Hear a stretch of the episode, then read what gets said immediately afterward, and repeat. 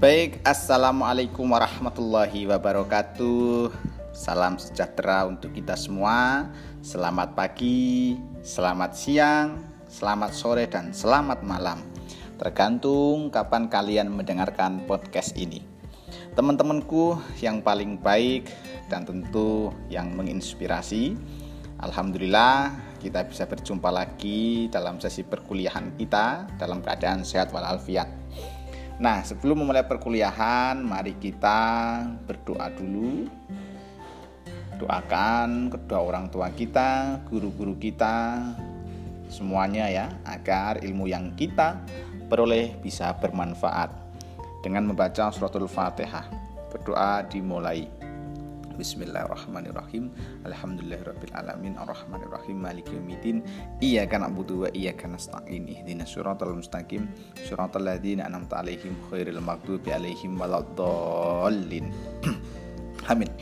Baik teman-teman semua, eh, kita sampai kalau kemarin kita sudah apa namanya belajar mengenai bagaimana itu eh, metode ya berpikir eh, kreatif dengan berbagai macam metode yang apa namanya uh, sudah uh, saya sampaikan ya bahwasanya kita itu dalam proses kreatif itu ya memiliki alur ya.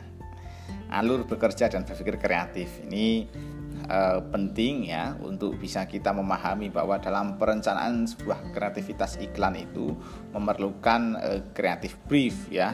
Uh, tentu kreatif brief juga harus berangkat dari uh, client brief. Nah, seperti itu tahapannya kurang lebih. Nah, pada sesi ini kita akan apa namanya? Saya akan me, sedikit memberikan uh, wawasan buat teman-teman semua bahwasanya dalam perencanaan kreatif iklan itu kita akan mengenal uh, namanya pola berpikir kreatif ya kalau kemarin adalah pola bekerja atau alur bekerja kreatif, sekarang adalah pola berpikir kreatif.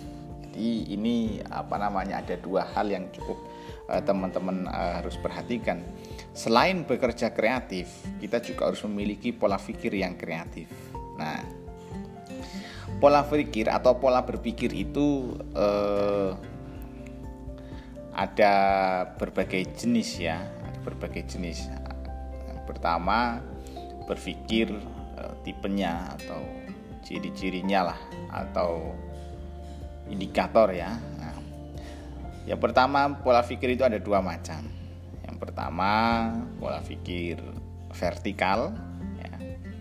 Yang kedua ada berpikir uh, lateral. Dia ada dua ya.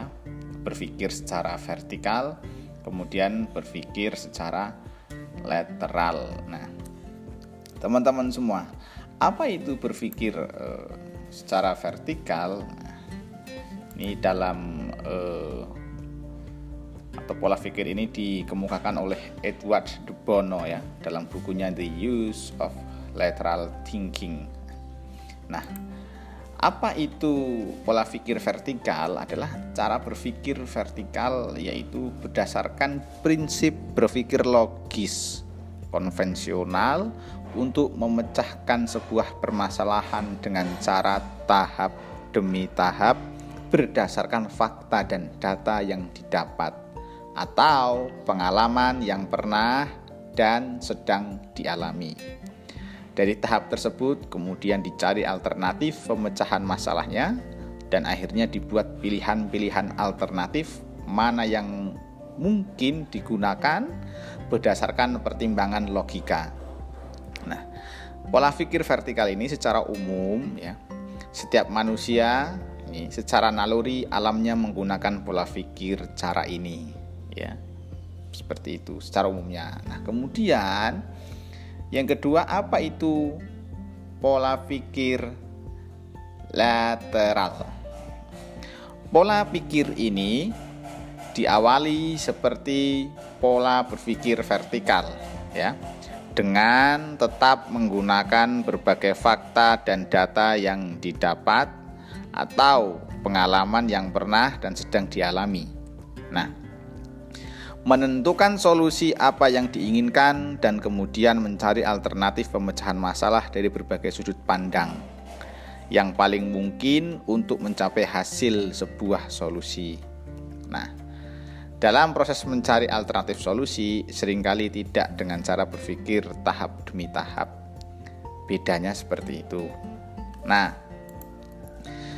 teman-teman semua eh, cara berpikir vertikal itu eh, bisa menggunakan metode ada namanya metode glass box ya.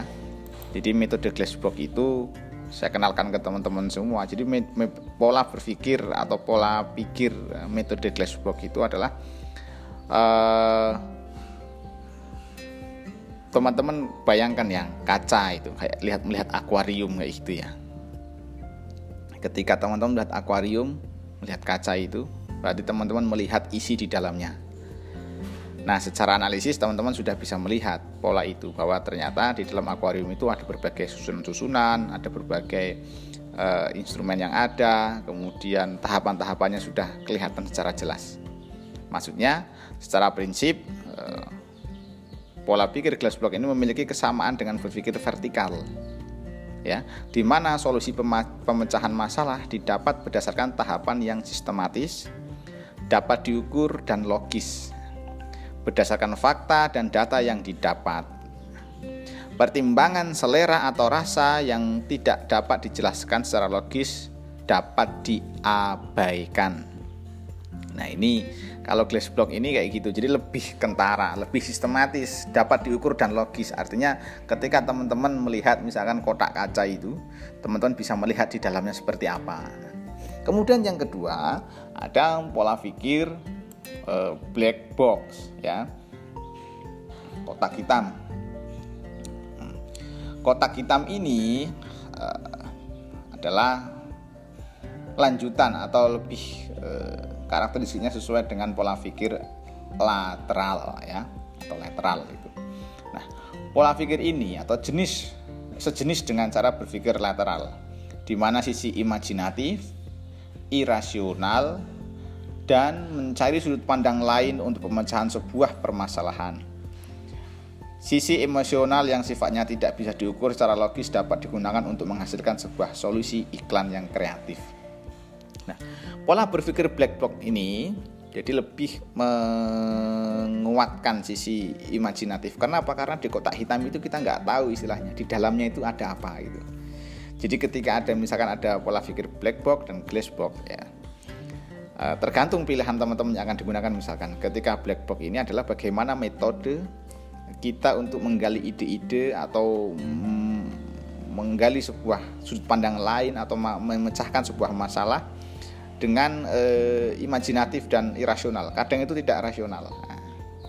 Nah, seperti itu. Sedangkan e, glass box lebih cenderung e, apa namanya sistematis, terukur ya dan logis ada dua metode itu atau ada dua metode atau dua hal yang bisa kita kenali eh, bagaimana pola pikir ya eh, dalam eh, berpikir kreatif. Apakah semuanya apakah baik yang berpikir glass box atau black box atau lebih baik mana pola pikir vertikal atau pola pikir lateral?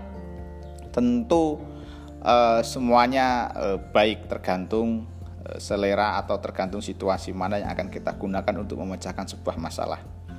Dan uh, ada pertanyaan lagi kira-kira lebih baik mana Pak? Apakah kita menggunakan pola pikir yang vertikal atau yang lateral? Tentu uh, semuanya baik ya, tergantung bagaimana uh, identifikasi masalah yang akan atau yang kita peroleh. Atau teman-teman juga bisa uh,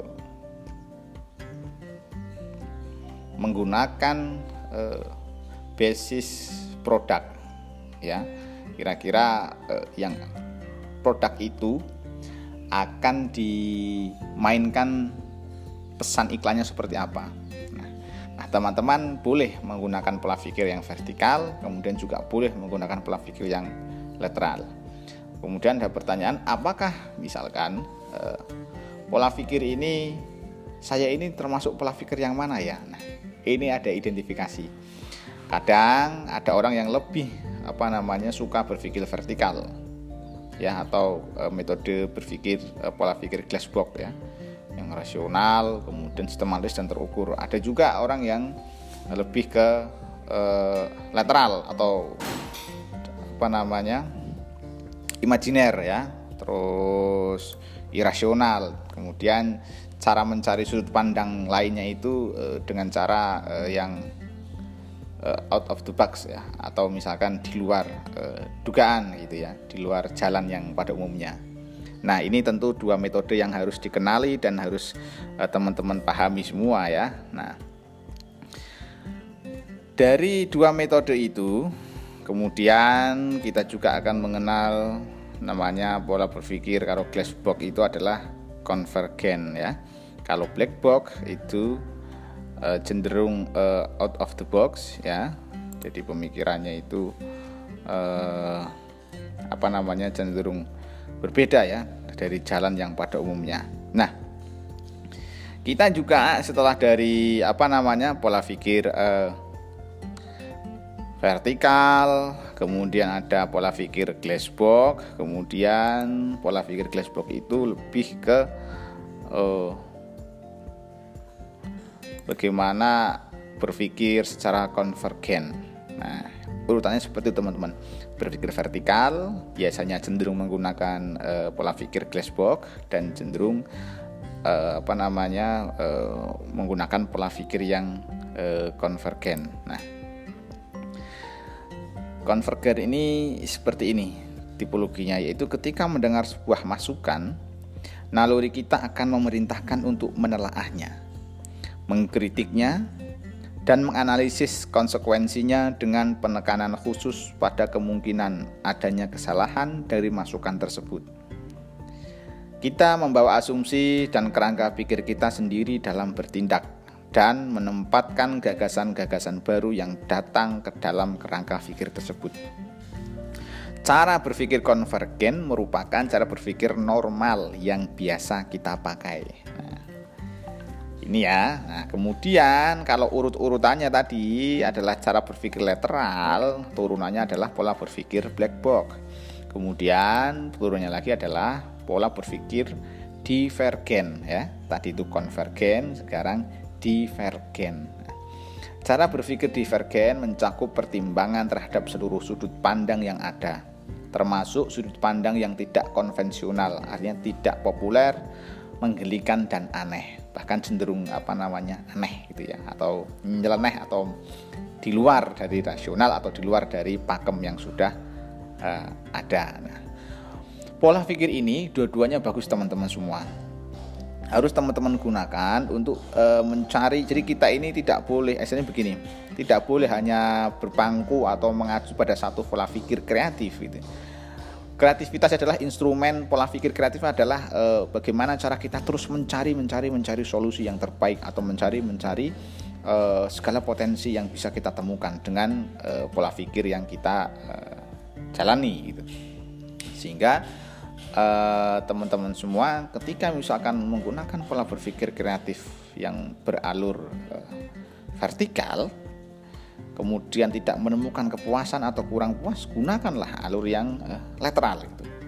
Sebaliknya, ketika teman-teman uh, menggunakan pola pikir yang lateral, kemudian teman-teman semua tidak menemukan atau belum menemukan sesuatu yang sesuai atau yang pas menurut indikator atau tujuan dari yang teman-teman uh, sudah targetkan, tentu teman-teman juga boleh menggunakan metode uh, berpikir vertikal, ya.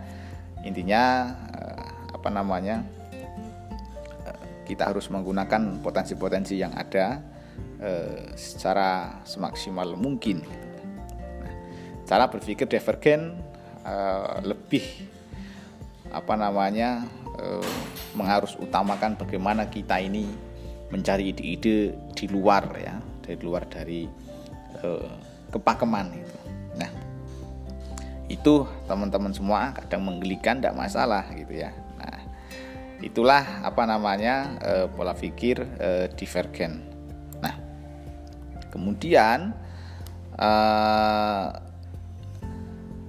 ada satu hal pola pikir divergen itu lebih dekat ya atau memang biasanya itu cenderung atau tipologinya itu turunannya adalah berpola berpikir out of the box ya. Pola berpikir ini diperkenalkan oleh Henry Ernest ya seorang matematikawan dari Inggris. Nah, secara prinsip pola pikir ini memiliki kesamaan dengan pola pikir apa lateral Edward de Bono Pola pikir ini menekankan berpikir di luar batasan masalah yang ada ataupun cara berpikir dengan menggunakan perspektif yang baru. Berpikir di luar kotak, ya, ini penting ya, untuk mencari solusi pemecahan masalah dengan cara di luar kebiasaan. Cara berpikir yang berbeda dari orang-orang-orang pada umumnya ini ya, dan cara berpikir yang mungkin tidak pernah terpikirkan oleh siapa pun sebelumnya ya out of the box itu keluar dari kotak. Makanya kemarin ketika pertemuan pertama ketika ditanya apa itu sesungguhnya kreatif? itu ya. Kreatif ada yang teman-teman bilang out of the box ya. Sesuatu yang out of the box. Nah benar ya benar tapi out of the box itu adalah pola berpikirnya ya bukan karyanya. Ya karyanya itu akan akan mengikuti dari hasil pola pikir out of the box itu. Nah intinya out of the box adalah berpikir menggunakan cara ini, yaitu berani untuk berpikir jauh ke depan. Ya. Tidak hanya berfokus pada apa yang sedang dihadapi tetapi lebih jauh ke depan. Jadi berpikir out of the box adalah sebuah keberanian. Ya, teman-teman makanya eh, semuanya itu harus berani mencoba menggali ide ya menyampaikan ide, menemukan sesuatu, mengkreasikan sesuatu yang out of the box. Bagaimana sih contohnya misalkan? Contoh berpikir out of the box itu misalkan seperti apa? Misalkan teman-teman dengan kebiasaan sehari-hari ya. Teman-teman berpikir misalkan uh, dalam sebuah uh, karya. Kalau teman-teman lihat misalkan sebuah iklan ya, teman-teman melihat ada sesuatu dimensi yang uh, menerobos moral misalkan. Misalkan seorang eh, pastor ya dengan agamawan sama-sama laki-laki tapi mereka eh, berciuman itu ya. Ada iklan di Perancis itu. Nah seorang yang agamawan dengan seorang pastor itu yang berbeda agama yang sedang terjalin konflik ya mereka berciuman padahal sama-sama laki-lakinya itu dan kemudian uh, menyampaikan bahwa bis kedamaian tidak mengenal uh, batas. Gitu. Nah, tentu itu menggugah, mengguncang apa namanya uh, moral kita kan gitu. Atau misalkan banyak kita temukan poster-poster atau print ad dengan kata-kata yang menggugah imajiner kita ya atau poster yang menggugah imajiner kita atau imajinasi kita bahwasanya oh gitu jadi berpikir uh, di luar apa namanya uh, pada umumnya. Itu out of the box misalkan. Misalkan dengan keterbatasan fasilitas kita bisa apa namanya berpikir berbeda dari yang lain sehingga langkah kita tentu akan berbeda daripada yang yang lain. Nah berpikir out of the box ini adalah kekuatan yang uh, tidak terbatas yang sangat dibutuhkan uh, oleh insan insan-insan kreatif ya untuk bisa eh, menemukan uh, sesuatu hal yang baru atau sesuatu hal yang uh, menggugah kesadaran kita. Nah, kemudian yang terakhir teman-teman semua, selain pemikiran lateral, kita juga mengenal pemikiran reflektif kritis dan kreatif. Jadi jenis pemikiran ya, jenis pemikiran itu selain lateral dan vertikal, ada juga jenis pemikiran yang bersifat reflektif. Kemudian yang kedua kritis, kemudian kreatif. Nah, jenis pemikiran reflektif ini uh, lebih uh, mengedepankan ya. Jadi reflektif ini adalah pengalaman ya lebih mengedepankan pengalaman sebagai sumber utama ya. bersifat integratif memadukan pengalaman kritis dan kreatif menjadi alternatif. Ya. Sedangkan e, berpikir kritis ya, bersifat evaluatif. Biasanya kritis itu berpikir kritis itu sudah mengevaluasi dulu. Biasanya orang itu kalau berpikir kritis sudah ah ini kurang pas ini, ini salah ini, tidak tepat ini. Itu biasanya gitu. Ketika teman-teman ketika menghadapkan sesuatu kemudian ketemu e, hal yang tidak sesuai, teman-teman menggunakan berpikir kritis biasanya langsung uh, evaluatif ya. Berpikir kritis itu evaluatif ya.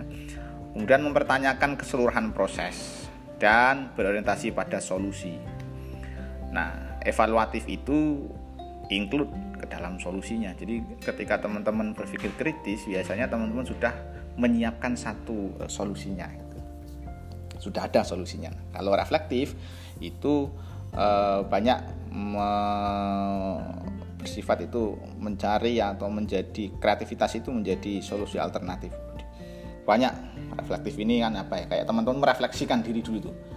Oh gini ya gini ya gini ya. Jadi merefleksikan eh, apa namanya segala fenomena yang ada pengalamannya seperti ini nanti pengalaman yang A seperti ini pengalaman B seperti ini pengalaman C seperti ini kemudian teman-teman refleksikan difikirkan, direfleksikan mana yang terbaik. Oh, ini. Kemudian munculkan berbagai macam alternatif. Oh, kalau seperti ini kasusnya, kemudian seperti ini alternatifnya, kayak gitu-gitu.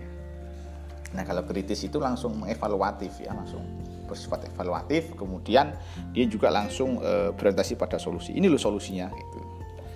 Nah, yang e, ketiga ada apa namanya jenis pemikiran yaitu yang bersifat kreatif Pemikiran bersifat kreatif ini e, memiliki sifat e, alternatif, tidak terduga. Jadi orang kreatif itu berpikir kreatif itu kadang-kadang e, ya tadi out of the box ya, kadang tidak terduga juga. Nah, memiliki unsur kebaruan dan memberikan solusi di luar dugaan pada umumnya. Jadi lebih kayak kalau main bola itu seperti ini saya analogikan permainan bola misalkan ya teman-teman semua. Ada jenis pemikiran reflektif, ada jenis pemikiran kritis, dan ada jenis pemikiran kreatif. Ini reflektif ini eh, biasanya adalah eh, kiper ya. Coba kiper itu biasanya dia eh, menjadikan pengalaman sebagai sumber utama. Jadi ketika serangan dari sisi kiri, misalkan dia Eh, posisinya di mana itu sudah bisa menentukan. Ketika serangan dari kanan, di mana posisinya sudah menentukan. Di mana tendangan bebas atau corner kick itu, di mana posisinya dia sudah menentukan dari pengalaman-pengalaman dia sebagai kiper ya dalam permainan sepak bola. Kemudian bersifat integratif, memadukan pengalaman kritis dan kreatif menjadi solusi alternatif. Jadi ketangkasan dia ketika oh tendangannya seperti ini, ya berarti saya harus uh, mengambil uh, gerakan seperti ini, misalkan. Ketika tendangan shoot jarak dekat saya harus blockingnya dengan kedua tangan di e, dada. Ketika shootnya tendangannya adalah ke atas maka saya harus memantulkan bola itu keluar dari tiang. Jangan saya tepis ke depan gitu. Nah itulah kira-kira e, dalam berpikir reflektif. Kemudian berpikir kritis. Kritis ini e, misalkan adalah pemain belakang atau back ya biasanya dia mengevaluasi dulu wah ini kenapa? Dia melihat keseluruhan proses dari lawan itu. Dia wah bolanya dari kiper diumpan ke striker dan seterusnya bagaimana mereka mau menyerang itu? Wah ternyata dievaluasi itu. Uh seperti ini ya. Nah makanya back itu kemudian e, memberikan e, evaluatif artinya mengcounter ya mengcounter dari serangan e, itu kemudian memberikan serangan balik umpan balik ya yang secara apa namanya e, cepat misalkan. Jadi solusinya adalah misalkan umpan lambung jauh gitu lah misalkan ya. Nah, sedangkan misalkan pola pikir kreatif ini bersifat alternatif tak terduga. Kayak serangan balik tadi itu nah, harus ketemu dengan striker. Nah, ini biasanya dengan striker ini kreatif ini ya. Jadi uh, dia harus memiliki kreativitas ya uh, mencoba mencari jalan dari segala lini dari kiri, kanan, depan menggunakan apa two atau strategi yang apa yang kreatif sebaik dan unsur-unsur tak kebaruan dan tak terduga itu tiba-tiba muncul dari samping tiba-tiba muncul dari kiri untuk memasukkan bola. Ya. di luar dugaan lah bahasanya kayak gitu. Nah, makanya uh, kira-kira seperti itu ya teman-teman ya. Mungkin bagi yang suka bola uh, apa analoginya ketika apa nama jenis pemikiran itu uh, seperti itu. Saya kira itu teman-teman semua yang dapat saya sampaikan pada sesi ini. Semoga apa yang saya sampaikan bisa menginspirasi dan teman-teman bisa menambah wawasan dan tentu bisa mencari alternatif-alternatif ya dari buku-buku bacaan yang teman-teman apa namanya baca bisa kita sharingkan bisa dipertanyakan di dalam WA group kita demikian teman-teman semua yang dapat saya sampaikan e, jika ada pertanyaan dan diskusi e, mari kita diskusikan di WA group terima kasih kita akhiri pertemuan kita ini dengan e, berdoa membaca surat al-asr berdoa mulai bismillahirrahmanirrahim wal asri innal insana lafi khusrin illa ilal ladina amanu wa amilus solihati wa tawassaw bil haqqi wa tawassaw bis sabr. Demikian doa tidak pernah dicukupkan. Akhir kata dari saya Pakupon omah doro cekap semanten mawon menawi lepat nyuwun ngapura. Assalamualaikum warahmatullahi wabarakatuh.